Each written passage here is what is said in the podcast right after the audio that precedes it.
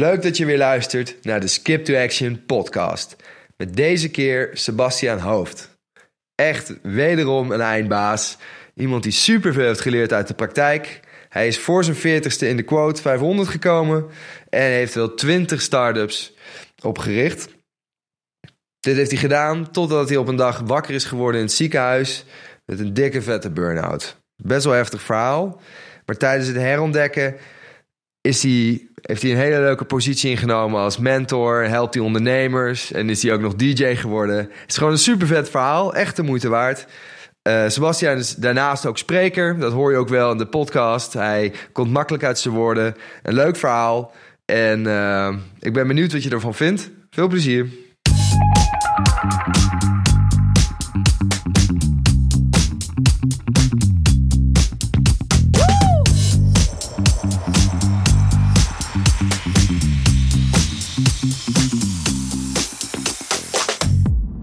Dat je tijd neemt. Ja, Ja, leuk Voor, hier te eh, zijn. ja nou, Mooie welkom. locatie heb je uitgekozen. Dacht ik. Dankjewel Marleen voor eh, het sponsoren van deze geweldige locatie. Ben ik helemaal mee eens. Ik kijk, eh, kijk echt over het ei. Ja. Ik zie het centraal, centraal station van Amsterdam. En ik zie het muziekgebouw. Ja. Ja, Mooi uitzicht. ja perfect. Perfect. In, in de hippe opkomende wijk Amsterdam-Noord. Ja. Ja, nou ja, dat is ook, eh, nou ja, dat is wel mooi inderdaad. Nou, jij bent ook een Amsterdammer toch, of niet?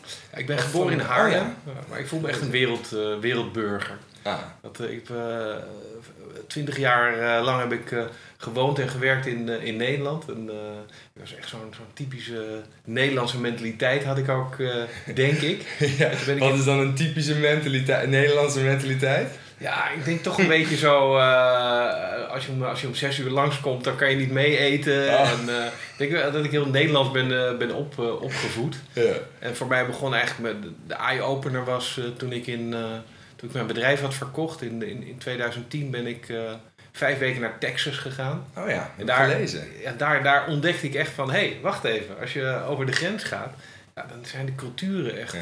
kunnen enorm verschillen. Ja. En, eh, dat was voor mij wel echt een eye-opener.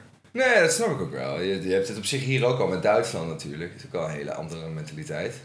Toevallig had ik het daar eerder ook over in een podcast. eh, over dat hier hebben we veel meer zesjescultuur. Daar zitten ze echt, eh, moeten ze allemaal tienen halen, weet je wel. Hele, Ja, wat, je, wat je hier snel. merkt is, is dat, je, weet je, de overheid regelt enorm veel. En dat zie je nu eh, bij de, de hele millennial generatie, die eigenlijk in, in de watten is gelegd door de ouders. En toen door de school en toen door de universiteit. En nu moeten ze gaan werken, Ja. hè, in de, vaak in internationale bedrijven. Ja, dan komen ze erachter dat, het, eh, dat de wereld toch wel heel anders Ja. in elkaar zit. En dat je niet meer zo in de watten wordt, eh, wordt gelegd. En die, weet je, die betutteling en dat van, ja, een zesje is ook wel goed genoeg. En dat merk ik ook wel in, eh, bijvoorbeeld in de, in, in, de, in de Nederlandse start-up scene. Ik heb ooit een, eh, een blog geschreven. En, en, en, en de strekking van die blog was... hè, eh, Amerikaanse studenten gaan naar Starbucks om aan hun toekomst te werken. en Nederlandse studenten gaan naar Starbucks om over hun toekomst te praten. Ik kwam net, ben je dan mee bezig? ja, Ja, Ik, kwam, ik kwam net uit Silicon Valley en daar, daar zit je in een, in een koffietent. En dan zetten die studenten daar een heel netwerk op. Die hebben gewoon een land mee. Ja. En die zitten daar met tien man. En zitten ze eh, start-ups te bouwen. En natuurlijk drinken ze daar een kopje koffie bij. Ja, maar die, die, die koffietenten faciliteren ook die start-ups Mhm. met eh, eh, stroom en, en snel wi- wifi. En weet je, worden aan alle kanten geholpen. Omdat die, die, die, die koffietent-eigenaar weet van ja, weet je, wij, wij, dit is onze bijdrage aan de gemeenschap. Mhm. En toen was ik terug in Nederland. En toen ging ik naar, de, naar, naar een hip koffietentje. En er zaten al die studenten, hè, waarschijnlijk met de creditcard van papa en mama. En zaten een, eh, een, een latte met ijs en karamel en alles. En toen dacht ik, ja, dat, is- dat is wel eigenlijk, Ja. hè, zie je daar al. En dus ik had laatst een, eh, een, eh, een Twitter-discussie met eh Constantijn van, van Startup Delta. En Ah. er wordt iedere keer maar geroepen, ja, er moet meer geld naar onderwijs. En er moet meer... En ik denk, ja, eigenlijk zou het onderwijs, het bedrijfsleven... beter in staat moeten stellen om te participeren... en ook aan te kunnen geven, al in een, in een vroeg stadium van... van eh, zou ik zeggen, op de basisschool. Mhm. Ja, weet je wel, hoe, ga je nou in het bedrijfsleven Ja. laten werken? En als je een bedrijf in staat stelt om daar al te participeren, En dat kan dan zijn dat uh, iemand die naar deze podcast luistert en, en ergens goed in is. Ja. En dat de school van je kinderen zegt van... oh, kom daar eens een keer een dagje over vertellen. Of werk er Ja. eens mee. En eh, ik denk dat daar, in die, die cultuurverandering... dat mogen we mo- mogen eerder onze kinderen eh, gaan onderwijzen... wat het is om bijvoorbeeld te ondernemen... Ja. of in een bedrijf eh, te werken. Ja, want productiviteit, les of wat is geluk of wat, wat wil je nou echt? Weet je wel, eh, waarom, waarom krijgen we dat niet op school? Ja, dat is ook eigenlijk heel gek, toch? Terwijl het zo essentieel is. Maar dan krijgen we iets als biologie, waar ik eh, heel hard mijn best voor moest doen. Waar ik nooit meer wat mee doe. Natuurlijk is het handig dat ik weet hoe fotosynthese werkt, maar weet je wel, ja. Ja, ik snap nu achteraf wel waarom ik helemaal niet naar school wilde. Het had niks met de praktijk te maken. ja. Dus ja, de, de dag dat ik van school af kon, ja, ben ik echt hard weggerend. Ik had er echt, eh, ik heb geloof ik 15 jaar lang nog nachtmerries gehad dat ik op school zat. Weet je wel, dus dat vond ik, vond ik echt heel erg. Ja. En pas later ben ik weer teruggegaan naar de universiteit. Ik miste toch wel wat kennis, weet je. En ik, wil, ik vind het jammer Ja. dat ik nooit heb kunnen studeren echt in een omgeving waar ik gemotiveerd werd om te doen wat ik later zou, zou willen doen. Natuurlijk moet je een basiskennis hebben, moet een een gevarieerd Mhm. aanbod zijn. En weet je, je moet, Je moet ook wel snappen wat de kaart is, ja. Ja, En dus- ook wel begrijpen hoe je moet leren, ja. Ja, maar ik vind het raar hè, dat de scholen in, in, de omge- in de buurt waar ik woon. Hè, eh, ik word over de hele wereld uitgenodigd om te spreken voor mensen. Daar betalen ze dik geld voor. En dan de school om de hoek. Waarvan ik eigenlijk zeg van, hé, hey, ik wil wel eens een keer wat komen vertellen. Zeg, ja, daar hebben we geen tijd voor. Want Ja, dat eh, past past, niet in het... eh, ja. Hey, in het curriculum. Ja, Ja. zo moeilijk. ja, ongelooflijk hè? Ja. Nou, grappig. Nou, de reden dat ik jou heb uitgenodigd is natuurlijk jouw, jouw toffe verleden. Of nou ja, tof. Heel interessant verleden. Eh, ik heb je ooit ontmoet op Startup Weekend, eh, lang geleden. En ehm, nou ja, ik volg je natuurlijk ook wel op, eh, op social media. En toen heb je een boek uitgebracht. Ehm, maar ik zou heel graag eerst even terug willen gaan inderdaad van oké, nou, hey, je hebt van alles behaald voor je veertigste, zeg je zo mooi. 20 start-ups staat er op de cover van dit boek. en nou ja, een reeks aan dingen. Kan je daar wat over vertellen, over vroeger? Ja, eh, vroeger is nog maar tien jaar geleden. Ja, ja maar... Dus, eh, de- het gaat, gaat keihard. Ja. Maar eh, zou ik zeggen, waar de meeste aandacht naartoe gaat, is in de periode. Dat is ongeveer een periode van eh, eh, 15 jaar geweest. In die 15 jaar tijd heb ik 20 bedrijven opgericht. Ja. Nou, Eén van die bedrijven is enorm succesvol geworden in, in, in financiële zin. Is nog steeds marktleider in de markt waar, waarin het nu zit. Maar ik heb natuurlijk ook 19 andere dingen nog gedaan waarvan sommige dingen echt compleet mislukt zijn. Andere dingen zijn eh, nou ja, verkocht en we dachten Ja. nou, we ons eigen geld terug. Maar het zijn ook hele leuke kleine projecten geweest waar we hartstikke veel geld aan hebben kunnen verdienen. En enorm veel lol Ja. eh, mee hebben gehad. Maar in eh, 2009 hè, liep ik echt tegen een muur aan. En dat, is- dat is waar voor mij hè, mijn leven is veranderd. En ik denk dat iedere, iedere luisteraar hè, naar deze podcast hè, krijgt zo'n moment in zijn of haar leven. Zo'n moment waarop alles verandert. Hmm. Hè, waar, waar er een, een Ja, hiervoor maken. Ja. en een erna ontstaat. En voor mij kwam dat moment in, in 2009. Hè, We hadden iedere vakprijs gewonnen die je kon winnen. Ik stond in de quote jonge rijke lijst. Hè, Wat een eh, achievement, Ik, eh, maar ik ging toen echt op mijn bek. Ik ben tegen die muur aangelopen. Het heeft me echt een jaar gekost om te revalideren van het harde werken. Ik werd wakker in het ziekenhuis. En, eh, en dat heeft me echt een jaar geduurd om uit het ziekenhuis te komen. Ik at niet meer, ik dronk niet meer, eh, ik sprak niet meer. Ik was gewoon heel, het was helemaal op. Wauw. over- Ik kan me bijna niet eens voorstellen dat je gewoon... Je bent gewoon helemaal shutdown. Je bent zo over de toeren gegaan dat je dan echt gewoon... Je lichaam zegt dan ook ho. Of Ja, ja, ik, ik, ik was echt gewoon tw- 24-7 aan het werk. ja. En dus eh, ik stond 's ochtends om 6, 7 uur op. Ging ik meteen naar mijn werk. Ik kwam om eh, middernacht kwam ik, kwam ik thuis. En dat deed ik gewoon zeven dagen in de week. ja. En eh, ik werd ja. bevestigd in eh, dat dat was wat ik moest doen. Omdat iedereen naar mij toe kwam om, om vragen te stellen over ondernemerschap. Over nou, hoe start ik een bedrijf? hoe laat ik een bedrijf heel snel groeien? Ja. hoe word ik marktleider binnen, binnen vier jaar? En iedereen kwam juist naar mij toe voor advies. Mhm. En daardoor werd ik bevestigd van, hé, hey, ik kan het eh, hartstikke goed. Ik snap het, Ik ja. ben de enige die dat kan. Ik, ik, ik, ik dichtte mezelf een soort van Superman-status eh, toe. En dat isoleerde mij ook van, zou ik zeggen, naar buiten gaan en advies vragen aan andere mensen. Ja. Ik dacht, ja, ik weet eigenlijk wel, wel alles. En Ja, want ik ben de marktleider, weet je wel. Ja. Van, de, van, de, van de gasten die dingen aan het oprichten zijn. Ja, dus, dus waar als, als, met mijzelf als ondernemer ging het enorm goed. Hè, dat steeg echt, eh, voor mijn gevoel, tot, tot grote hoogte. Maar als mens ging ik er volledig aan, Ja. eh, aan onderdoor. En, en als ik nu terugkijk hè, naar, naar die periode, denk ik, had ik in die, in die tijd maar eh, een mentor gehad.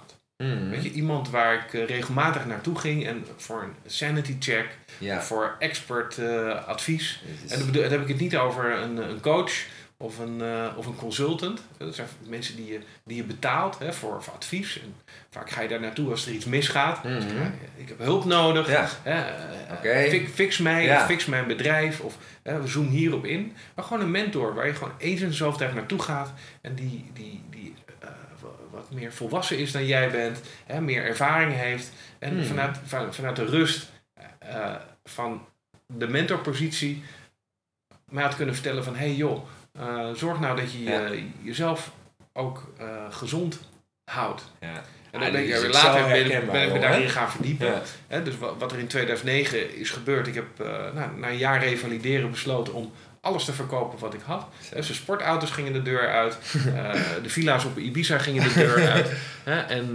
maar ook de bedrijven gingen de deur uit. Dat was natuurlijk best wel een, een, een, een, een- Ja. beslissing. Het lijkt me heel lastig om los te komen van dat verleden dan weer. Of, of was Ah, het, niet het- precies het wat je was wou? al, het was al heel, heel raar natuurlijk. Want ja, ja, ik had ook een uitgavenpatroon wat, wat past bij heel veel geld ja verdienen. obviously. Dus, dus die bedrijven eigenlijk, dat was heel makkelijk. Ik, ik weet nog dat ik naar de notaris ging. En eh, normaal gesproken als je een bedrijf verkoopt, doe je hele due diligence en ingewikkelde dingen. Maar ik had gewoon mijn jurist en, nota en de- uiteindelijk ook de notaris hadden gewoon een volmacht. Dus Ja. voor mij was het echt één handtekening. En ik weet nog dat ik eh, op de terugweg in de taxi zat. En dat ik echt eh, vanaf de notaris tot huis, heb ik de hele, hele rit zitten huilen. ja. Niet van, van, van ongeluk, maar eigenlijk van de bevrijding van die, van die bedrijven. En toen kwam, ik, eh, toen kwam ik thuis en dacht ik, ja, nu is het gewoon klaar.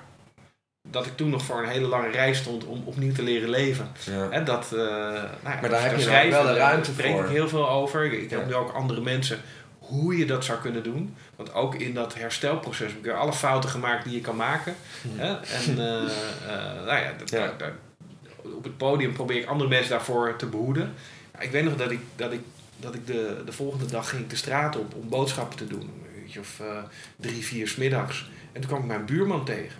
En zei ik van, oh goh, eh, heb je een vrije dag?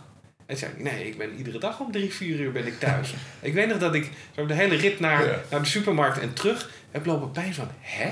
Hij is iedere dag om drie, vier thuis. Wat Ja. is dit voor een wereld?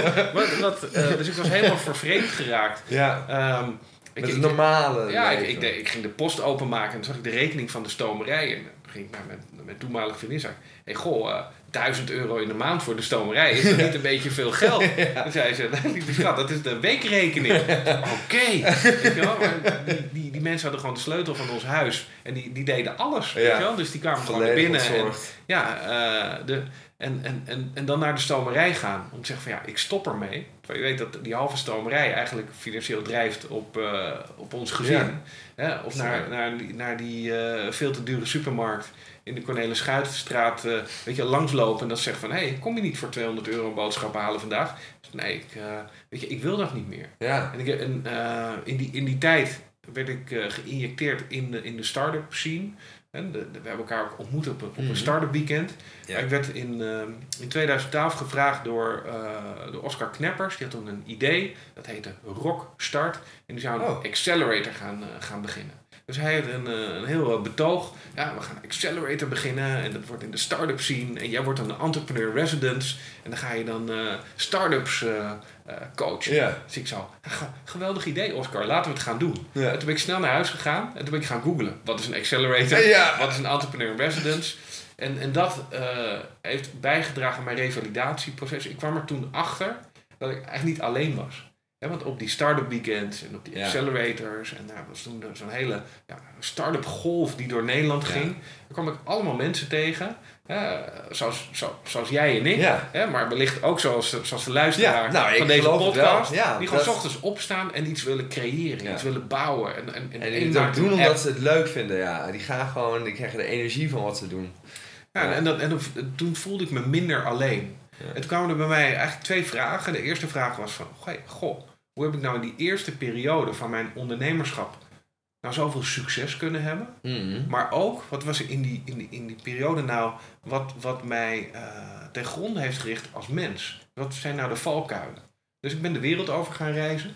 Eh, Ik heb in eh, 15 landen meer dan 500 ondernemers eh, gesproken. Ja. En ik heb ze eigenlijk die twee vragen voorgelegd. hey, wat maakt je nou zo succesvol? Maar wat zijn ook jouw eh, valkuilen?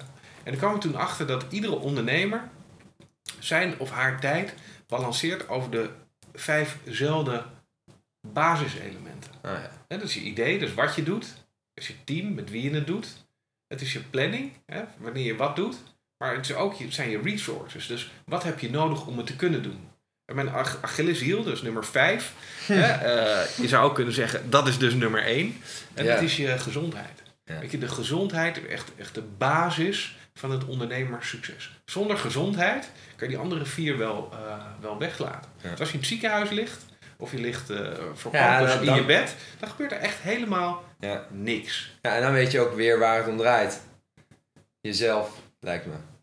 Nou, dit zijn, wel, dit zijn dus die vijf eh, hele mooie punten uit je boek.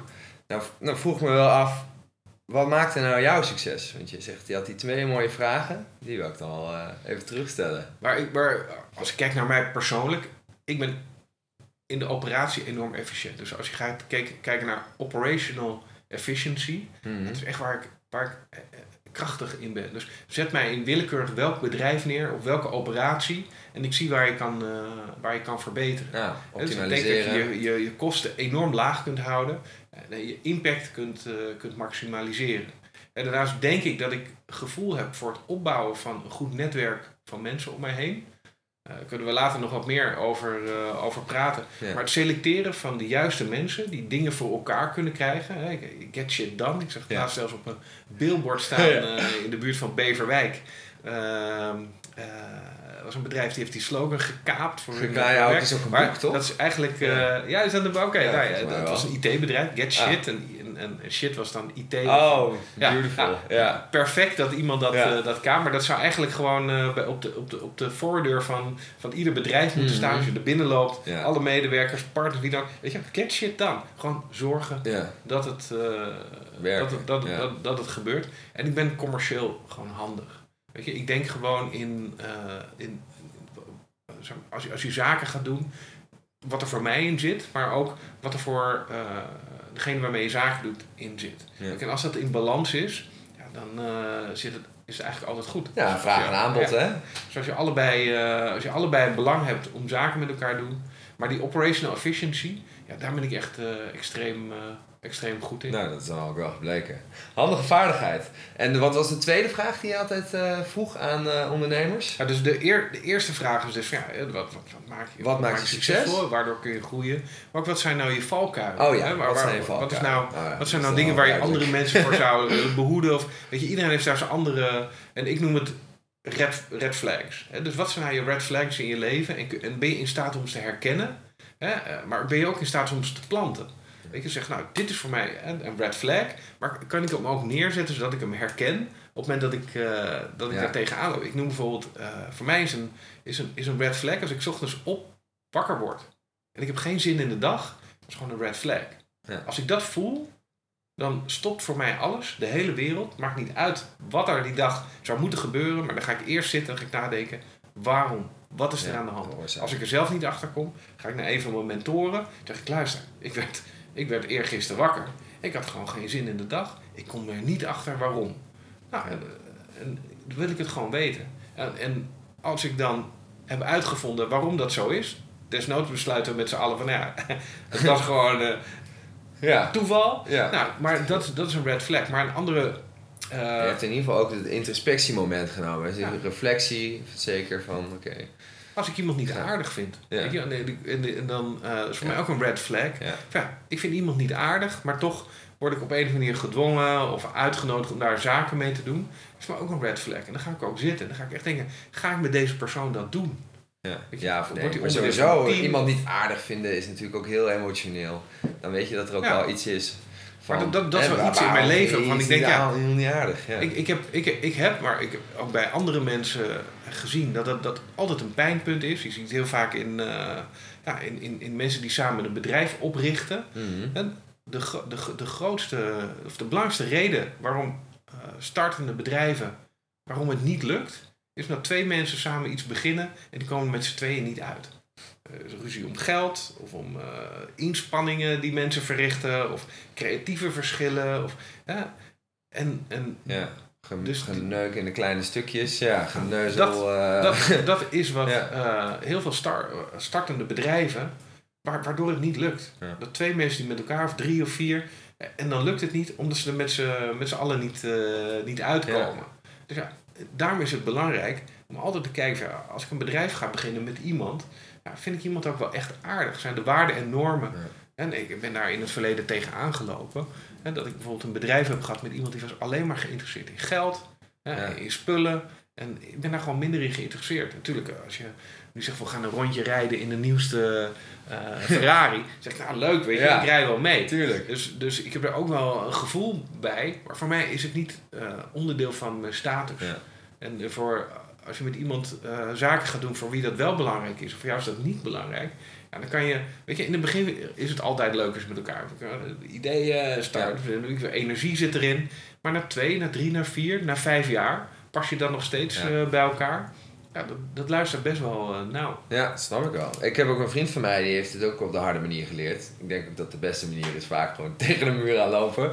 Daar leer je het echt van. En die vertelde ook dat hij, want jij zegt ja, iemand moet wel echt aardig zijn. Maar je, hij zei van je moet ook echt geen bedrijf beginnen met een maat, omdat het je maat is. Maar wel echt eh, kiezen voor iemand die. Waar, of, eh, bijvoorbeeld, jij bent heel goed in eh, optimaliseren. En ik ben heel goed in eh, design of zo, weet je wel. Dat dat dan samen gaan we dan beginnen, want we hebben die expertise samen. Ja. Denk je dat dat... Wat is belangrijker? Dat je... Nou, hou, hou er rekening mee dat als je met, met iemand met wie je bevriend bent, Ja, een bedrijf begint, ja, dat, dat je de vriendschap misschien wel kan afschrijven. Ja.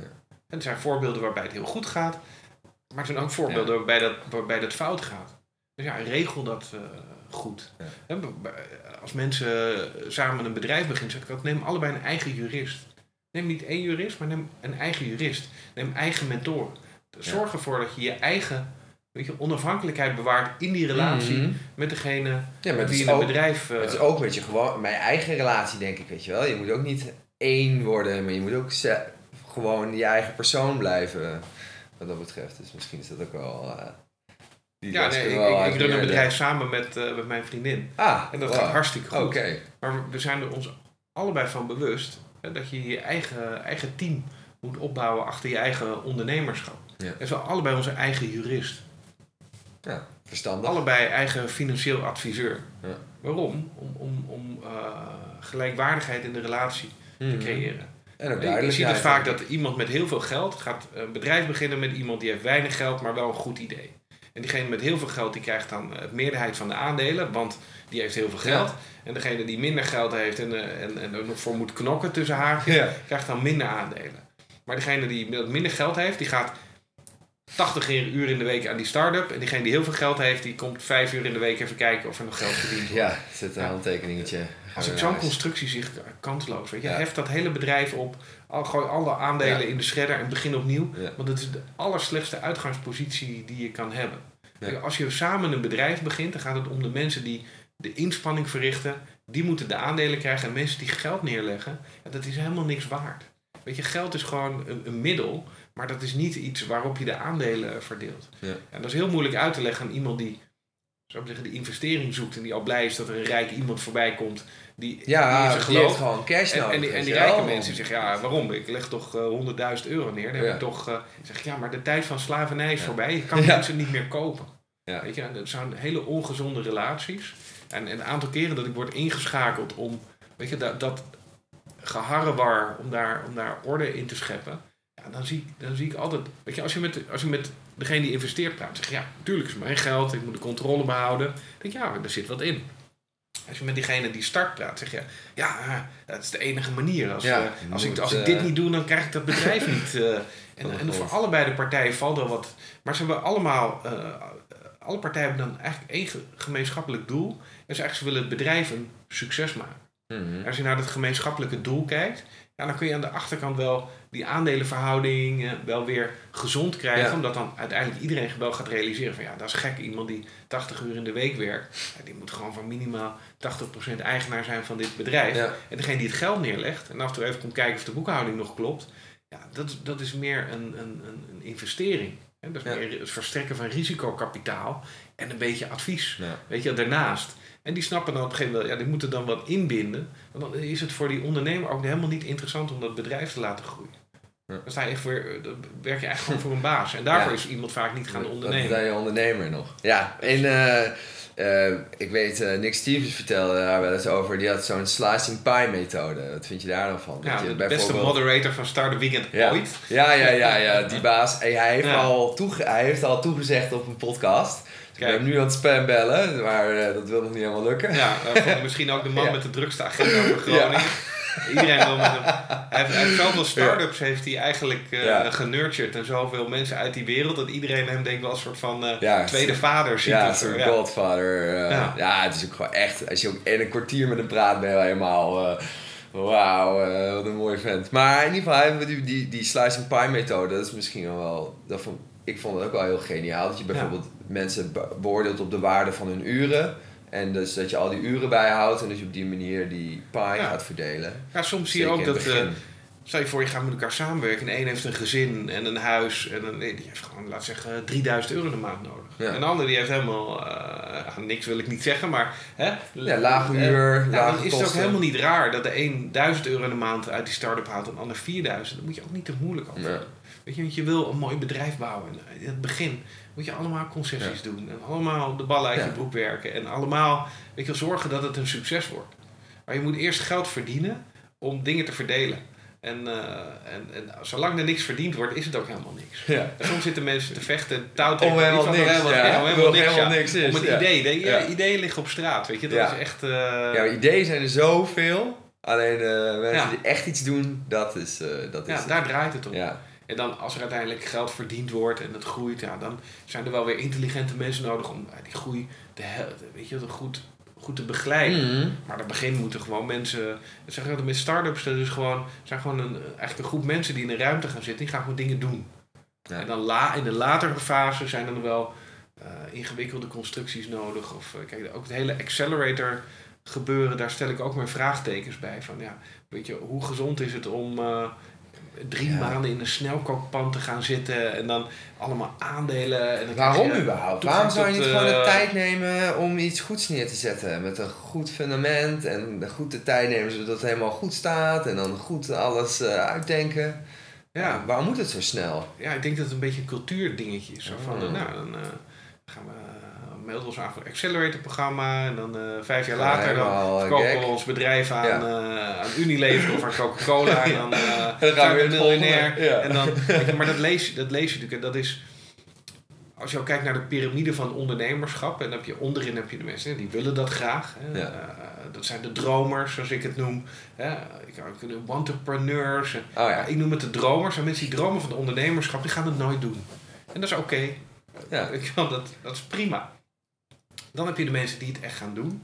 De starters, die hebben heel veel hulp en begeleiding nodig. Er zit heel veel energie zit daarin. Mhm. De belangrijkste groep zit in het midden. Dat zijn de, de mensen die gewoon aan het ondernemen zijn. En die verdienen gewoon een boterham daarmee. En dat is de MKB en dat is echt de, de, de motor van de economie. Ja. Maar bovenin, hè, daar zitten die rockstar entrepreneurs. Hè, de Richard Bransons, de Bill Gates, de Ja. Steve Jobs types. Ja. En, en, en, en die schrijven de boeken. Die veel gelezen worden. Hè, die krijgen de interviews die heel veel bekeken worden op YouTube. Die Ja. staan op het, op het podium van de Ja, grote dat, dat zijn conferenties. de, dat zijn de waar- helden. Ja, dat zijn de helden. Ja. En daar, wordt, daar gaat heel veel aandacht naartoe. Eh, maar dat wil niet zeggen dat die mensen weten hoe het in elkaar zit. Ja, die Hè? wordt maar gewoon... eh, Ja, dat is natuurlijk heel leuk. Heb je, ben je Microsoft begonnen en dan nou, ben je ultramiljardair geworden. Ja. Hè? En, eh, of je bent eh, Richard Branson en die kan al, al, al, al, al skydivend, hè, kan jij een conglomeraat runnen. Kijk, en als je jezelf gaat spiegelen aan, aan, die, aan die ondernemers, je gaat hun boeken lezen en hun methodes toepassen, ja. en dan probeer je eigenlijk het leven van een ander te leiden. Ik denk dat die groep daaronder, het MKB, dat je daar veel meer kennis kunt krijgen. Dat je veel beter een mentornetwerk kunt opbouwen. Dat je je daar veel beter aan kan spiegelen. Want dat zijn eigenlijk gewoon de normale bedrijven waar gewoon geld verdiend wordt. En waar mensen normale levens leiden. En, eh, Ja, niet helemaal uit, de, uit een boos en ook een beetje realistisch misschien wel. ja, dus, Gewoon. dus ik denk als je een, een, een, een, netwerk van mentoren gaat opbouwen, of als je hulp zoekt, zoek het meer in die MKB-laag. Natuurlijk, lees het boek van Richard Branson en geniet van al die, al die dingen die hij adviseert. Maar soms, weet je, als je, als je op LinkedIn gaat, dan krijg je krijg allemaal van, van die tips van. eh, Laatst zag ik ook weer eh, een meisje van 25 die dan eh, de wereld verovert als, eh als businessgoeroe. Maar wat ze eigenlijk doen is gewoon alles wat al die, al die rockstar entrepreneurs roepen, zou ik zeggen, naar het Nederlands vertalen, een eigen draai eraan geven. En zeggen van ja, het ding van ja, als je niet hard werkt, dan wordt het niks. Weet je wel? En dat dan verpakt met mooie foto's. En, en, en, ik geloof daar gewoon niet in. Ja. Weet je, ik, ik denk dat als je, als je gaat kijken naar universiteiten, Stanford of eh, programma's zoals een Startup Weekend Ja. of eh, boeken zoals een eh, Business Model Generation. Kijk, daar, daar zit intelligentie achter, daar is over nagedacht. Hmm. En dat zijn methodieken die kun je implementeren. En natuurlijk ga voor een beetje inspiratie naar. eh, ehm, en kijken naar, Ja, naar die grote goeroes. Ja. Maar je zal de beste mensen gewoon vinden. of De beste mensen om jou heen zou je vinden in het, in het MKB. Ja. Van Mensen die al 20, 30 jaar lang zich in een vak verdiepen. En die opleiding hebben gevolgd. eh, niet met de trends eh, meewaaien. ja, maar Daar- echt eh, weten. Ja, vind je de meest stabiele, stabiele netwerken. Ja, ik snap wat je zegt. Ik vind het ook heel eh, ehm, mooi dat je... Je kan ook heel veel uit boeken halen. Dan misschien al die theorieën en zo. En dan lijkt het net als dat je al heel veel weet. Want je, als je zo'n boek kan reproduceren. Maar juist die methodieken weer uitvoeren, jongen. Dat is, dat, dat is zo moeilijk. Ik merk het bijvoorbeeld voor mezelf ook. Hè, ik heb dan bijvoorbeeld een challenge bedacht. Dan kan je 20 uur een nieuwe vaardigheid ontwikkelen. Nou, er zitten eh, eh, allemaal beïnvloedingstechnieken in. Er zitten allemaal soort viral methoden. Er zitten allemaal, allemaal dingen uit boeken zitten daarin. En in het boek staat dat dat gewoon moet werken. Maar ja, ga het maar bouwen, weet je wel. En dan kom Ja. ik er weer achter, ja, huh, weet je wel, je moet steeds weer de hele tijd tweaken. Het, het, wer- het werkt Ja. niet zoals het in het boek staat ook. Weet Ja, je wel? Je een, moet continu proces. Ja, daar geloof ik echt in. Je, continu zit je in, in cycles hè, waarin je weer opnieuw leert, opnieuw leert. En dat gaat de volgende experts ook steeds sneller. Hè. Die, die, die, die, die, die eh, lifetime value van kennis, geloof ik, eh, vijf, ze- zeven jaar hebben ze bij Nero bedacht. Hè, dus, eh, dus alles wat je vandaag weet is over vijf jaar, geloof ik, nu verouderd. Ja, het- het gaat wel steeds sneller, maar toch denk ik dat als je, als je, als je financieel advies zoekt, dan kan je natuurlijk wel ik zeggen, het boek van een of andere VC gaan lezen. Die in Facebook en in Uber heeft geïnvesteerd. Ja. Ik denk dat een accountant die al 30 jaar lang weet je, in de boeken zit, gewoon in een saai suf kantoor op zo'n Ja, industrie. het. Als je daar naartoe gaat, is van, nou, zeg je, ik eh, ben een bedrijf begonnen een jaar geleden en eh, ik heb financieel advies nodig. Mag je een kop koffie aanbieden? Nou, en je gaat zo iemand prikkelende vragen stellen. Van, hoe doe je dit? Hoe doe je dat? Hoe, hoe heb jij dat ooit geleerd? Mhm. En zo iemand raakt geïnspireerd, dan denk ik dat je daar veel meer aan hebt dan dat je één keer dat boek leest van ja, Ja. Die, die rockstar entrepreneur over geld of succes. Ja. Of, Die rockstar, eh, die, dat zit hier in Amsterdam toch? Die hebben mij nog eens benaderd voor een eh, stage. ja. Vet random. ja, dit is Maar, heel leuk, eh, maar ik zie het een beetje alsof je naar Disneyland gaat. Weet je, dat is heel leuk voor één of twee dagen. Hè, dan zie je Mickey Mouse en Goofy en... En lopen ze allemaal, ja. En, en, en dat, weet je, het, het zijn ook, het zijn ook meer mediabedrijven die bandbreedte verkopen aan corporates in de start-up scene. Mm. Dat dat er echt start-ups worden gebouwd. Ja. Ja. Dat, eh, Nou, Ja. cool. Oké, en eh, nou, mentorschap, eh, voor mij heel belangrijk. Eh, toevallig afgelopen maandag nog eh, met mijn mentor gezeten. kijk, Eh, ja, dat doe je goed. nou ja, het is heel. ik ben vorige maand, eigenlijk deze maand, gestopt bij mijn bedrijf waar ik nu werk. Dus Ja, dan is de eerste die ik bel. gisteren op LinkedIn. Ja, ik denk, yo, help, Ja. ik heb heel veel opties en dingen. Nou, en dan, ja, weet je wel, om mijn persoonlijk verhaal, eh, ik merk gewoon dat het heel waardevol is. Hè? Hij zegt gewoon van, ja, eh, je hebt heel veel ambities, maar je zegt nu, eh, ja, je hebt niet de zin om een half uur in de trein te zitten. Eh, hè, Skip, wat wil je nou? Wat wil je nou? En dan denk ik als echt, een goede kut. Want Ah, kut. Ja, Ja. dat is waar ook. Ja, dus weet je wel, ik kan helemaal niet zeggen van ik wil niet dit of ik wil niet dat. Als je, als, je, als je het echt wil, dan moet je dat doen. Nou, maar eh, ja, zeker. Ik heb hem al heel lang. En ik, help zelf ook eh, in, sta- in jonge eh, nou ja, ondernemer. Ehm, maar ik denk dat het heel belangrijk om me heen hoor ik dus dat het eigenlijk best wel uniek is. Terwijl ik denk, dat is, heel, het, is juist heel waardevol. Eh, jij bent ook eh, heel veel mentor volgens mij, voor veel mensen. En eh, ja, hoe, wat, wat zou je de luisteraars mee willen geven? Van hoe ga je dat nou aanpakken? Hoe ga je nou een mentor vinden? Hoe ga je nou iemand vinden waar je echt wat aan hebt? Waarvan je denkt van, ja, weet je wel, die hier... eh, ja, hoe, zeg- hoe ga je dat regelen? ja, hoe vind je een goede mentor? Ja, eigenlijk wel, in één regel. Makkelijker gezegd. Bastiaan, hoe vind je een goede mentor? Ja. Heel concreet, ik, ik, ik eh, ondersteun wat, je, wa- wat jij constateert. Is dat er wordt heel veel over mentor, mentor, eh, mentorship gesproken. Hmm. Als je in een zaal zit voor eh, duizend man, zegt wie heeft hier een netwerk van mentoren?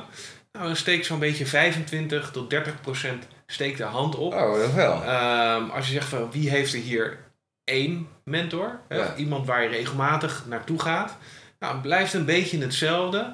En, en dat, dat, mijn voelspriet, als ik dat dan in de zaal dan denk, ja, ik denk dat dan zo'n beetje 20% echt daadwerkelijk Mhm. hè, regelmatig iemand ziet hè, die niet voor ze werkt, die ze niet betalen en Ja. waar ze advies halen. Aan de andere kant, als, je, als ik iemand mentor, en we gaan inzoomen en zeggen, nou, wie heb je nou om je heen die jou helpen?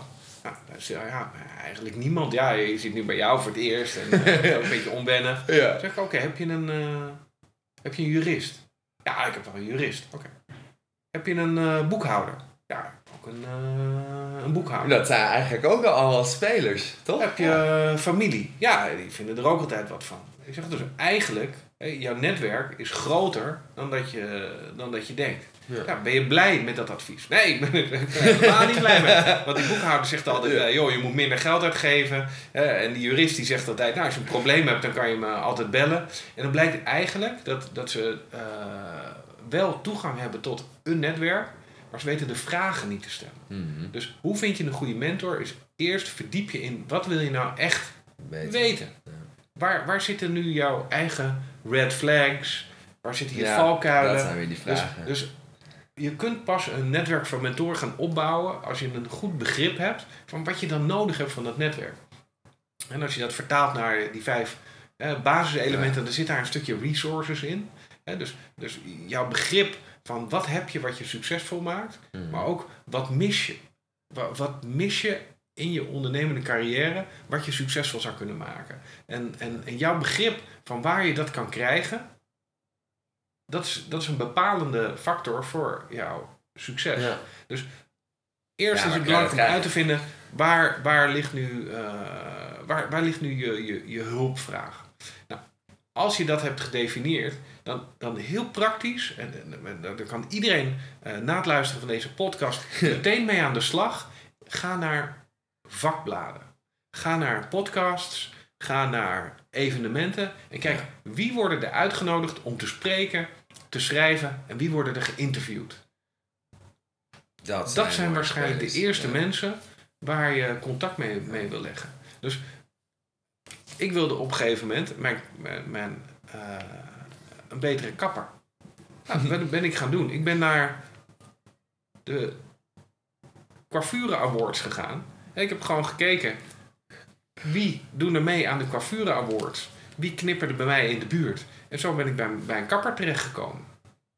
Ja, dan heb je next level kapper waarschijnlijk nu. Ja. Zes tientjes per knipbeurt. Ik vind het stijf aan de prijs.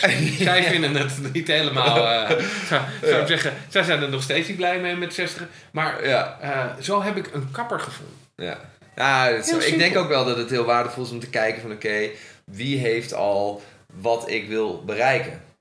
Ik, ik vond mijn, eh, mijn talks vrij saai. Ja. Tenen krommend eigenlijk. Dacht ik, ja, er is dus iets. Want als, ik, als ik het al saai Ja. vind, hoe vinden de mensen die in de Ja. zaal zitten dat dan? Ja. En, eh, en toen ben ik, eh, ben ik ook gaan, eh, gaan googlen. Dacht wat, wat zijn nou, hoe, zit, hoe zit die wereld nou in elkaar? Wie helpt nou wat? En dacht ik, ja, je kan een boek kopen. de meeste boeken die gaan in de trant van de sprekers als een TEDx-spreker. Ja, dat gaat mij niet helpen. Ook die auteurs, ik, ik wil niet spreken zoals een TEDx-spreker. Ik wil gewoon eigenlijk gewoon weten van wie helpen nou de grote sprekers der aarde aan wat ze moeten zeggen. Mhm. En dat blijkt dus een hele industrie te zijn. Dat wist ik van tevoren niet. Nee. Het blijkt een hele Nee, industrie te zijn van eh, speechwriters. Dat is Oh. gewoon een vak op zich. Net zoals journalisten die een artikeltje schrijven, of, of mensen die Ja. heel handig zijn in podcasts maken. nou, en expertise is speechwriter. Dus iedere, iedere Jeetje. Alle politici hebben allemaal een vaste speechwriter. Ja. Alle grote eh, eh, eh, captains of industry hebben allemaal gewoon een vaste speech. Dat is een vak op zich. Dus ik, ben gaan kijken, wie schrijft nou de speech van Obama? Nou, en zo ben ik uiteindelijk terechtgekomen bij een Nederlander. Hij heeft nooit echt de speeches van Obama zelf gesproken, maar heeft in het campagneteam ge- gezeten wat de speeches schrijft voor Obama. Dus, en eh, dat is. Lars Duursma. En Lars heeft gewoon een e-mailadres. Als je gewoon zijn naam Ja. googelt, ga je gewoon uh, lars.duursma.nl. Gewoon, Hoi Lars, eh, ik wil graag met je afspreken. Nou, wat blijkt nou? Lars heeft gewoon een bedrijf wat sprekers helpt. Dat heet Debatrix. Dat ik, oh, 1 dat is plus 1 grappig. is 2, ja. Maar ik wist dus helemaal niks over die wereld. Maar gewoon door te beginnen met wie is nou absolute expert, ben ik dus bij hem terechtgekomen. En, en, en, en, en tot op vandaag schrijft hij mijn, eh, mijn, mijn talks uit. Dus als ik, een, als ik een goed betaalde talk krijg, nou, dan ga ik altijd ik ga naar degene die mijn boek zegt. Wat is het doel? Wat is het publiek? Wat is, Mhm. al die vragen heb ik allemaal van Lars geleerd. Alle vragen Ja. die ik moet stellen. Eh, met, in welke moed komen mensen de zaal binnen? In welke moed wil je dat ze de zaal uitgaan? Wie ze spreken voor mij, na mij? Dus een hele lijst van vragen. Ja. Waarvan, de waarvan ehm, ik werd laatst voor, eh, voor, de, voor de overheid econom, economische zaken. En die hadden drie projectmanagers op, op dat ene event eh, eh, zitten. En die zeiden, oh dat is gek. We, we organiseren al zoveel jaar events. We hebben nog nooit iemand gehad die die vragen stelt. Maar mogen we een kopietje hebben van jouw vragenlijst? Want dat willen we nu ook gaan implementeren. Bij, dacht ik, oké, het is wel heel erg goed Ja. wat we doen. Ja. Maar het stelt mij in staat om een betere connectie te maken met het, met het publiek. Maar ook een betere connectie te maken met het doel waarom dat event wordt Ja. eh, georganiseerd. En, Ja, dat is wel een eh, goeie hoor.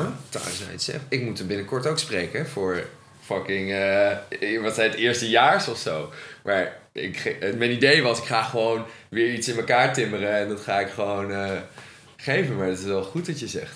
Nou, Hoe, het, Maar- hoe, ik- hoe ik het dan gedaan heb, ik, ik had, nou, Lars heeft dus een bureau en ik kreeg ik, eh, zou ik zeggen, de, dus assistente, wat eigenlijk een soort verkapte verkoopster is van zijn uren. Ik, wat ik eigenlijk zou willen, ik, ik, ik wil gewoon eh, dat, dat Lars mijn talk bekijkt hè, op video. Dat we helemaal geen, geen briefing hebben. Dan wil ik gewoon in de ruimte gaan zitten met Lars. En dan wil ik gewoon dat Lars zegt wat hij ervan vindt. Maar gewoon, hup, recht voor zijn raap. ja. Nou, dat hebben we dus gedaan. Ik kom met Lars binnen. Hoi, ja, Sebastian. Nou, oké, jij wilde het zo. Nou, oké, dit vind ik ervan. Nou, tien minuten later was mijn ego echt... eh Ja, door lag aan, aan gruzelementen. En, en, Maar je en- wist al dat er wat miste. Ja. Toch? Jij dacht al, ja, kut, er moet hier iets gaan veranderen. Dus Ja. is wel, eh, je hebt je wel eh, kwetsbaar opgesteld. En zeg. want de mensen om je heen die van je houden, die zeggen: Oh, het is wel Ja, goed, joh. het is een En, momtest, eh, hè? ja. Maar Lars die dacht er dus heel wat anders van. En toen zijn we Tuurlijk. gewoon gaan bouwen. Ja, En nou ja, Ja. Dat is hoe ik dus aan expert gewoon Ja, ga. dus echt nieuwsgierig zijn eigenlijk. Van oké, hè, wat... Het komt vanuit jezelf. Ik heb op LinkedIn heb ik, eh, kijk ik iedere dag gewoon met de mensen waar ik connect ben, wat die posten. En ik reageer actief als iets, als ze iets leuks schrijven, dan, eh, dan reageer ik erop. Of ik stel vragen. Of gewoon om actief in dat netwerk eh, deel te Ja. nemen. En Ja, dat, dat, dat is het bij jezelf. Dus gewoon zoek actief het contact met eh, de mensen die, je- die je bewondert. Ja, ja, dat is zo krachtig hoor. En ik merk het, hè, dus het is wel grappig dat jij ook die post hebt gelezen van gisteren. Over dat ik dus ga stoppen bij eh, mijn huidige werkgever. Dan merk je ook, want ik doe ook consistent, zit ik altijd te posten. En dan merk je ook dat het omgedraaid wordt. Nou, ik heb nou vier, vijf koffieafspraken, nou heel veel. Weet je wel, Ja. dan gaat, dan gaat die echt hoor. maar dat- ik echt echt- heel actief nu Ja. benaderd gewoon. Eigenlijk, dat snap ik dus ook helemaal niet aan social media bedrijven. Ja. Iedereen is alleen maar bezig hoeveel engagement krijgt jouw post. En op basis daarvan wordt je status bepaald. Ik vind dus dat netwerken zoals eh, eh, het hele Facebook eh, gebeuren met Instagram en alles, maar ook LinkedIn, Twitter, Ja. zouden de, de gebruikers moeten belonen op hun bijdrage aan het netwerk in vorm van interactie. Dus eigenlijk vind ik dat de mensen die heel veel reageren, zouden hoger in de lijsten moeten Ja. krijgen en dus populairder moeten Ja, zijn. of awards Dan de mensen- of dingen, ja. ja. Ja, Of, eh, badges, ja. Ja, ben ik, eh ben ik Opperreageerder. Elon Musk. Ja. Natuurlijk krijgen mijn posts veel likes. Want dat, dat, dat, dat Tesla is natuurlijk een heel bekend bedrijf geworden. Met, eh, en iedereen vindt er wel iets van. De een zegt nou, batterijen dat is de dood. En de ander zegt nee, batterijen dat is de toekomst van de aarde. Alles ertussenin. Iedereen vindt er wat van. Ja, natuurlijk krijgt zo'n zo'n Elon Musk heel veel engagement. Ja. Eh, maar eigenlijk zou ik willen dat Elon Musk wordt afgerekend op hoe, va- hoe vaak hij engage met andere mensen. Nou zit dat bij hem toevallig heel erg goed. Want Mhm. hij is iemand die actief reageert. Als, je, als we hem nu een tweet sturen, nou, best wel kans dat hij reageert. Al is het maar met een, met een, met een, met een hartje. Ja, Maar smiley, ja. eh, bijvoorbeeld in de Nederlandse overheid, nou probeer maar eens iemand die eh, in, de, in de eerste, tweede kamer zit. Of nou, stuur maar een tweetje naar minister-president Rutte. Echt niet dat hij je antwoordt. Weet je, daar zit, zit, eh, dat doet hij gewoon niet. Misschien eh, weet hij niet eens eh, wat Twitter is. Weet je, wordt het gewoon beheerd. En, en, en dan denk ik, ja, dan vind ik zo iemand moet dan eigenlijk gewoon helemaal naar beneden gepusht worden. ja. In, in al die algoritmes. Van ja, jij bent dus eigenlijk gewoon iemand die gewoon niet participeert. Nee, ja, zo alleen maar wel, eventjes een quick, ja, eh, ja. snelle winst pakt. Ja. Dus, dus wat is jou dan jouw bijdrage aan het netwerk? En ik denk dat je het zo moet zien. Hè? Ondanks dat je dan misschien niet kan scoren met je engagement. Mhm. Hè, denk ik wel dat het, dat het belangrijk is dat je het toch moet doen als je iets terug verwacht van mensen.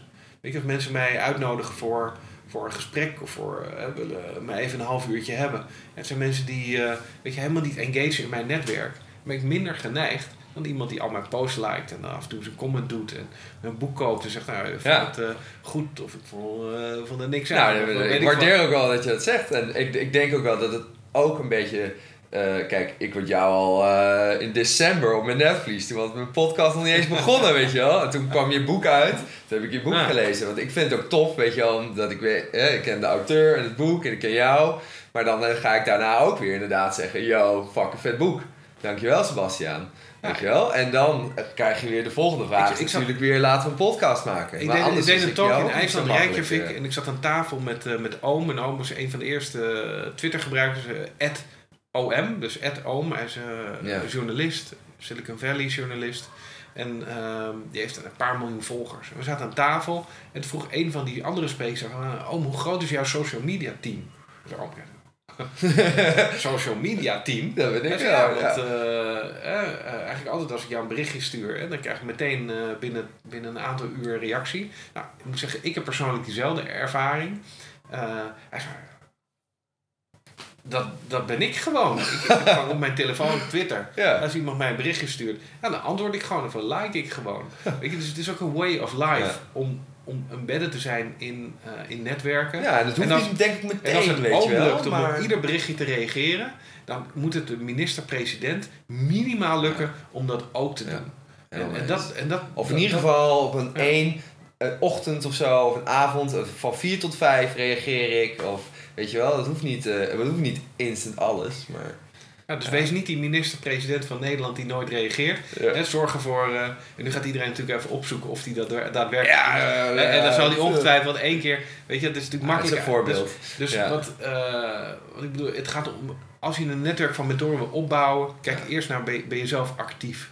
En, eh, en wees ook niet bescheiden, want als je, zou ik zeggen, jij staat ergens op, zou ik zeggen, op die tijdlijn met je carrière, er is altijd iemand die achter jou komt. Hmm. En, en ga die kennis ook doorgeven. Ja, zorg ervoor dat alles wat je leert, wees transparant in alles wat je doet en stel die kennis open voor andere Hmm. mensen. Oh, En je zal zien dat het dan, Amen. dat Ik geloof daar zo in. terugkomt. Ja. Ik geloof daar zo in. Dat is echt. eh, ja, ik heb toevallig iemand eh, van de opleiding. Weet je, toen ehm, gaf ik diegene. Eh, een- eigenlijk een soort van een lead, gewoon een, een klant eh, bijna. Zo van: Yo, deze dame die moet aan de gang met Instagram. Ik weet dat jij bent afgestudeerd op Instagram. Eh, zou jij jouw afstudeerstuk naar haar willen doorsturen? Nou, kreeg ik gewoon een antwoord: nee, dat ga ik niet doen. Want dit is mijn waarde en ik, dit, hier ga ik mijn bedrijf opbouwen. En ik weet je wel, en ik kan Ja. me dan echt niet meer. Dan denk ik, huh? Ja. Weet je, die heeft het dan, dat is, die heeft het daar echt niet begrepen, weet je wel. En Ja. ik, geloof daar zo in. Ja, gevoed door angst. Ja, Ja. bizar hè? Maar dat, dat, dus het is helemaal niet zo vanzelfsprekend voor mij wel, weet je wel. Ik doe dit ook gewoon. Ja, maar dit- het is ook heel Eh, eng. ja. Ik Het is eng. kwetsbaar, heb, je, ja. heb je dan eh, een afstudeerstuk gemaakt. En dat zie je dan als jouw kindje. Ja. En dan zou je dat zomaar aan iemand anders geven. Ja, dat, Ja, dat, dat- weet je wel. ik kan me dat best wel voorstellen. Ja. Ik denk alleen als je het doet en eh, je hebt het vertrouwen dat dingen ook weer terug gaan komen. Ja, da- daar moet je ook in bevestigd eh, worden. Mhm. En dat is weer waar we aan het begin van de podcast. Weet je, het is ook de cultuur Ja. in Nederland om dat dan voor jezelf te houden. En, en dat mag al, al eerder in het onderwijs. Ja, weet je wel, deel dingen. Ja. Weet je, wees open, wees transparant. En, en dat vind je, eh, daar, daarom ben ik ook zo. Haal ik ook zoveel eh, kennis uit die start-up scene uit Silicon Valley. En Mhm. daar is dat heel normaal. Ja. Weet je, alles wordt gedeeld, alles is open. Waarom Want zou je mensen zeggen, houden? Ik ben ja? zo intelligent, Ja. ik ben toch wel lichtmijlen verder dan jij. dus op het moment dat jij mijn afstudeerstuk leest, ben ik al tien jaar verder in mijn Ja. hoofd. Dus Ja. hoe dan ook, je haalt mij toch nooit meer in. Ja. En die mentaliteit, ja, dat, dat, eh, dat mogen we wel meer eh, zou ik zeggen, stimuleren in Nederland. Van, joh, eh, lees mijn afstudeerstuk. Als je, als je, want als je dat Ja, leest... komt ook weer terug, ja, weet dan- je wel. Als het, in als mijn hoofd zit nog honderd keer meer kennis dan wat ik op papier heb gekregen. Obviously. Ja. En dat, dan, dan kan het een sparringspartner worden. En dan kan het gewoon iemand zijn waarvoor je had kunnen werken. Of waarvoor je het samen kon werken. Ik moest vroeger de salarisstrookjes moest ik echt in gesloten enveloppen aan mensen geven. Zodat mensen geen ruzie kregen over elkaars salaris. En, en er was één keer iemand die had het salaris van een ander eh, gezien. Oeh, en, en nou, ja. een rel in het bedrijf. Ja, en nu weten ze mijn salaris. denk ik, ja, weet je, dat is... eh, Dat, eh, pff, come on, zeg. Ja. Wat maakt het nou uit wat je, ja, wat je verdient? wel. Maar als je de, je ego eraan koppelt, en, eh, Ja. dat, is, dat heeft met cultuur te maken. Hè. Dan kan je die Maar individuele dat is het mensen ook, niet... weet je wel. Als je tegen iemand vertelt van ja, hè, ik verdien eh, eh, niet zoveel geld, hè, 1500 euro of zo. Als je zoiets zegt, ja, dat voelt ook een beetje knullig om te zeggen. En als je zegt, yo, ja, hè, ik hark eh, sowieso elke maand eh, 4000 euro binnen. Dan voel je al meteen het mannetje, weet je wel. Je merkt al hoe, je, hoe ik het vertel. Je, Ja. het, het is ook veel makkelijker om een beetje te, hè, een beetje te pochen of zo. eh. Ja, ik zou, ja. daar mogen we wel vanaf eh, met z'n allen. nou, Ja, eens. goed, ik kom met mijn hippie-inslag weer Ja, naar ja. voren. Dus, eh, Oké, ik cool. ben ook voor het basissinkomen. Voor het basissinkomen. Oh ja? Nee, daar ben ik niet voor. ik denk, nou ja, dat is een andere. Dat hebben we het straks al over. Eh, want we hebben nog eens zoveel voor mijn gevoel niet, eh, niet over gehad. Je bent ook nog DJ geworden. Vind ik ook geniaal om even te belichten. Ik vond het heel leuk hoe je dat in het boek had geschreven. Dat je naar eh, het label van Nicky Romero eh, bent gegaan. Wat, Nou, wat, wat, wat er, wat er gebeurde is dat... eh, ik weet natuurlijk op... Ik kreeg heel veel vrije tijd toen ik stopte met eh Ja. ondernemen. Echt eh, zeeën van tijd. en ehm, ik, ik werd via via benaderd om een, om een DJ-school in Amsterdam te coachen. En eh, eh, denk je, ja, wat, wat kan dat zijn? Nou, dat was best wel een bedrijf. Hè, twee, twee ondernemers die waren dat gestart en die hadden. Ja, eh, die, die studio's kosten een vermogen, staat voor vermogen en apparatuur. Een kapitaalintensief bedrijf. Ja. Eh, veel eh, leraren, maar eigenlijk geen visie, geen structuur. weet je, het ging alle kanten uit. Veel om te optimaliseren. Dus ja. hadden, het was gewoon heel veel te doen. En, maar er werd ook geen pepernoot verdiend. Want het, ja, het is allemaal, was niet goed over nagedacht. Dus ja, ik zei van ja, weet je wel, ik wil jullie wel graag helpen, maar hoe gaan we dat dan doen? Weet je wel, financieel. En toen zei hij, ja, wil je wel DJ-les? Ik zeg, nou, eh, goed.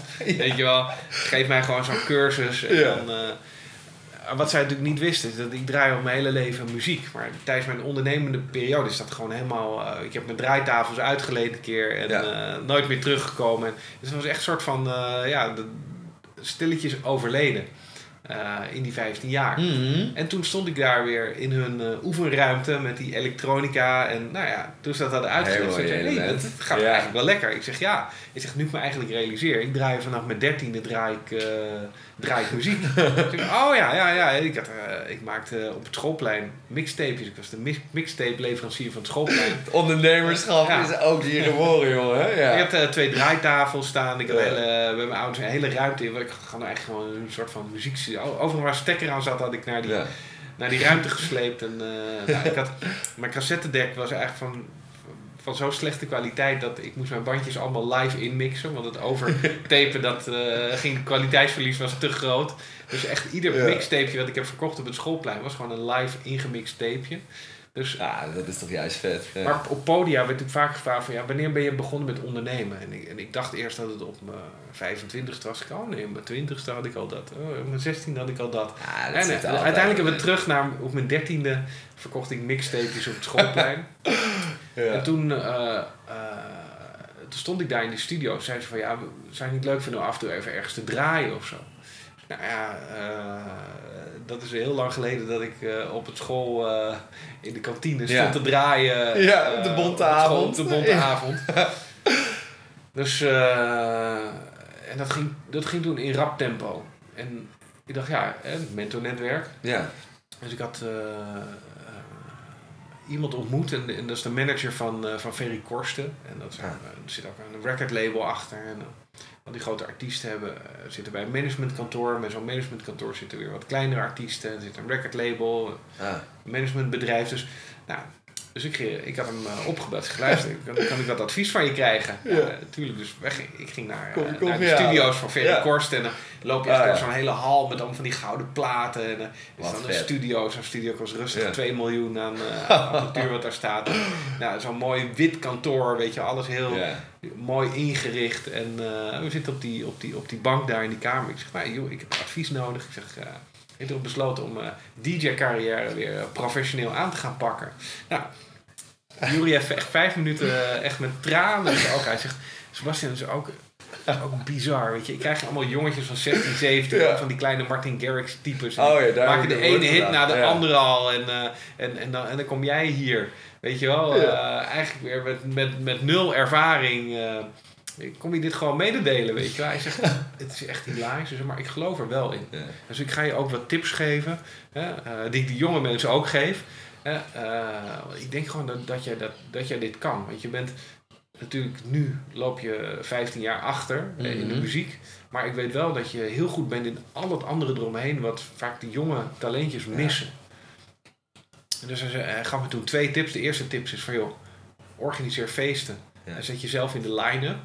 Ja. Uh, zorg ervoor dat voor jou iemand staat die jouw held is. En na iemand staat die jouw held is. En dan sta je ertussenin. Nou, dat upgrade jouw uh, status. Ja. En de tweede is, uh, je gaat de studio in en produceer een hit.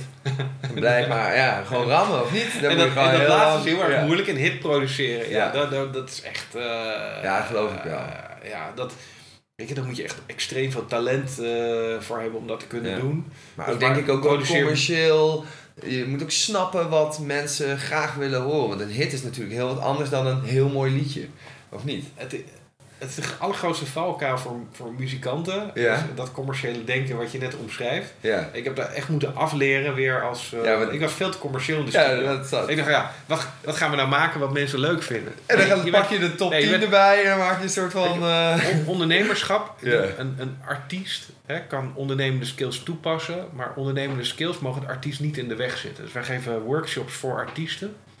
Uh, waarbij we de artiest leren om de CEO van de eigen carrière te worden. Hmm. Maar je kan een artiest, uh, moet je eigenlijk voor, wel een beetje voorzichtig mee zijn dat het commerciële niet, uh, ervoor zorgt dat ze niet meer creëren. Ja. En dat is, dat, is, dat is heel specifiek voor artiesten. Nou, maar ook uh, voor kunstenaars, weet je wel? Ja. toch een schilderij maken wil je ja. ook autonoom hebben. Ja, als je een schilderij maakt wat leuk staat boven ja. een bank nou, dat is een heel ander type uh, kunstenaar ja. dan iemand zegt, ja, ik ga gewoon zitten, ik maak gewoon dingen. Ja. Wat, wat, wat ja. uit mijn... Uh, ik noem mezelf ook eigenlijk, uh, tegen mijn vrienden noem ik mezelf, ik maak ook schilderijen toevallig, maar ik ben meer een decoratieschilder. Want ik vind het proces leuk. Dat kan. Maar dat is ook prima, weet je wel. Maar ik, ja, dat is dus ik heb in de, in de muziekstudio af, af moeten leren om te maken wat andere mensen willen horen, maar om te brengen wat ik zelf wil brengen.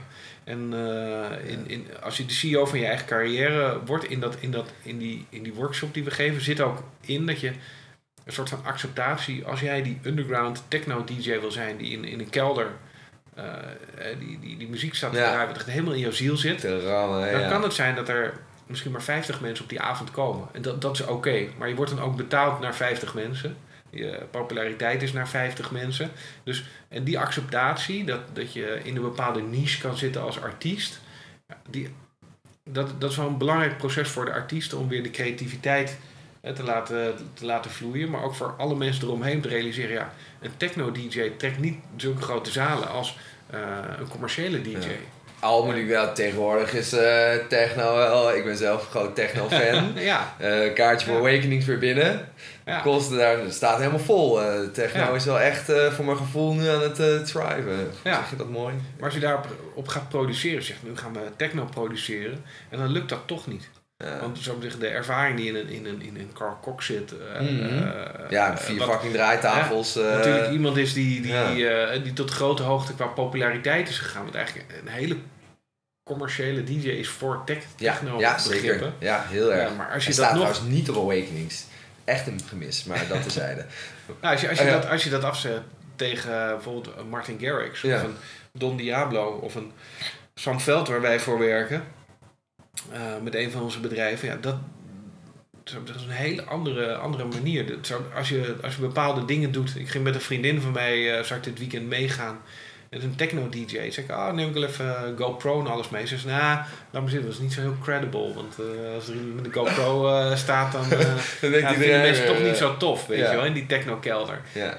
Terwijl als we met Sam Veld op pad gaan, dan gaan een heel camerateam mee. En een fotograaf en een, Alles en een social media. Ja. Weet je, hij staat nog niet eens op het podium of, of, of, of mensen zijn al met livestreams aan het liken. Ja, ja. En in de techno merk je wel dat er ook een hele commerciële kant is van techno. Dus, Ja, dus de, maar de meeste artiesten, als ze in de studio zitten, moet je, moet je dat commercieel denken een beetje afleren. Maar Snap ik. een, een, een Ja, hit is echt relatief, hè? Wat is een hit? Nou, Als jij nu eh, in de techno scene, weet je, de meest gedraaide track van Ibiza kan eh, produceren, ja, dat, dat is een ander soort hit dan dat je zegt, nou, ik, ben, eh, ik kan als Ja. ghost producer een hit maken voor David Guetta, wat, die, die Die, ja, Spotify leven 300.000, lang. 300 miljoen streams haalt. Ja, zo. Dat is allemaal relatief. Ja. Maar wel cool. Nou, tof. Ik zie dat we alweer lang aan het praten zijn. Ik ja, hoe mis... zitten, we, ja, eh, zijn we, zitten we er bijna Ja, doorheen? we zijn het al. Maar jammer, we hè? kun- ja, echt hè. Want ik wou het eigenlijk nog natuurlijk over je boek hebben.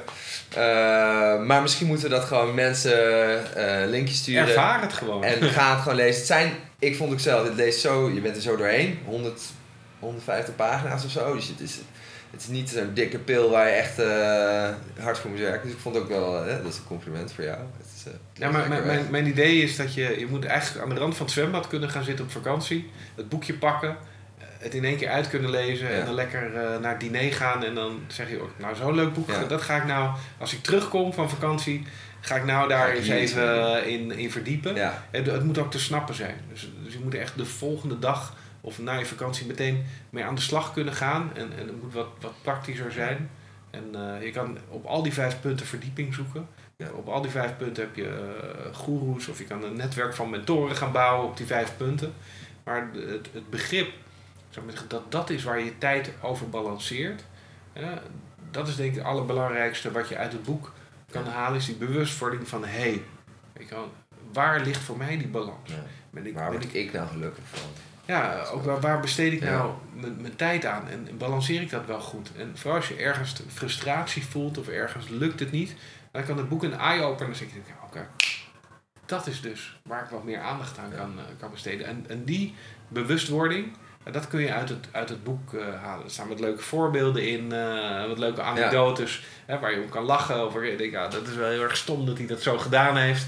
Je, Ja, maar dat is ook wel mooi, weet je wel. En eh, mensen moeten toch hun eigen fouten maken. Maar je kan ze wel in ieder geval iets zeggen van... Ja, nou, deze heb ik al echt gemaakt. Dus daar kan je een beetje voor oppassen. En dan krijg je de Ja. afschrift van het boek binnen van...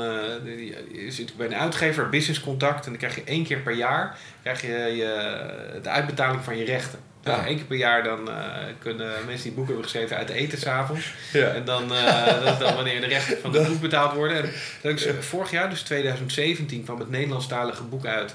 Ehm, en toen waren bijna allemaal hardcopies die verkocht waren. Hardcopy, hardcopy, hardcopy. En 2018 eh, is het audioboek uitgekomen. En nu is eh eh 80% van, van wat er aan de rechten wordt uitgekeerd, is voor het audioboek. Ja. En het wordt ook heel veel via de bibliotheek als audioboek Goede luister. Goals. Ja, dat Dus, is toch eh, vet.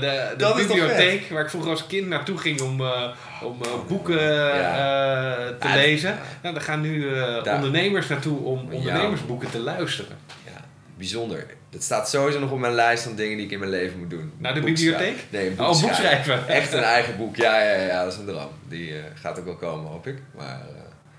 eh, Nou, als, jou, als, jou, als jouw boek eh, uit is, dan ga ik jou... eh in Dan gaan we door een ruimte rollen om.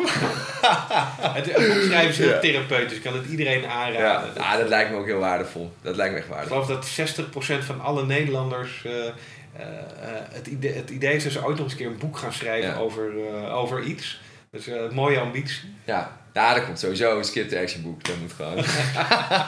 nou, eh, heb ik nog wat vergeten te vragen, Sebastian? Volgens mij is het, Eh, helemaal het mooi, is, hè? het is zonnig Lekker. buiten, dus gaan we Ja, vandaag gaan we eh, van genieten. van genieten. Heb je nog eh, vandaag plannen? Ja, Wat, ja, eh, ik ga me laten inspireren in het Rijksmuseum, denk ik. Zo, het Rijksmuseum. Eh, ja, ik vind dat heel leuk.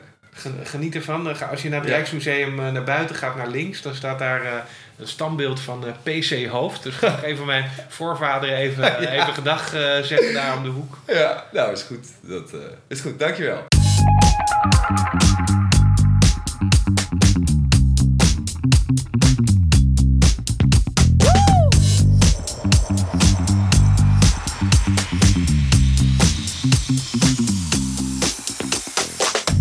Ik hoop dat je het net zo leuk vond als ik.